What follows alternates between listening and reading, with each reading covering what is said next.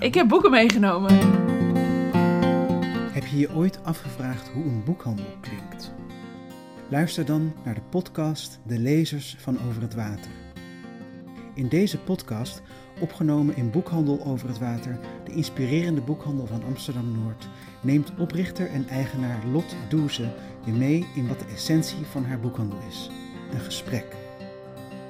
En het gesprek dat we willen voeren in deze podcast gaat heel erg over lezen en de boekervaring, de leeservaring. Het is ook heel erg toon, hè? Toon En dat en, is heel moeilijk. maar, en wat dacht je van zinsbouw? Ja, ja. En waar, waar ik op een gegeven moment last van had, is dat ik was ervan... Ik vind eigenlijk bijna die, al die andere mensen interessanter dan de hoofdpersoon op dit moment. Hmm. Ah. Omdat dit echt een boek is dat voor mij een wereld openzette die ik nog niet kende. Maar daardoor is er een, eh, zijn, zijn, er een, zijn er een heleboel mogelijkheden aan hoe je kunt bestaan aanwezig. En daarmee ook een heleboel mogelijkheden aan hoe je eh, een gedicht kunt schrijven. Het gaat heel vaak over één periode in het leven, namelijk zeg maar de volwassenwording.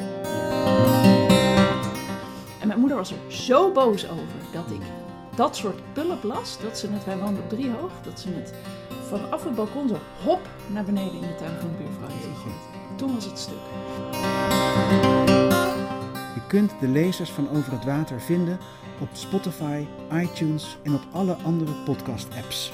En natuurlijk op www.boekhandeloverhetwater.nl. Dat is eigenlijk het allermooiste.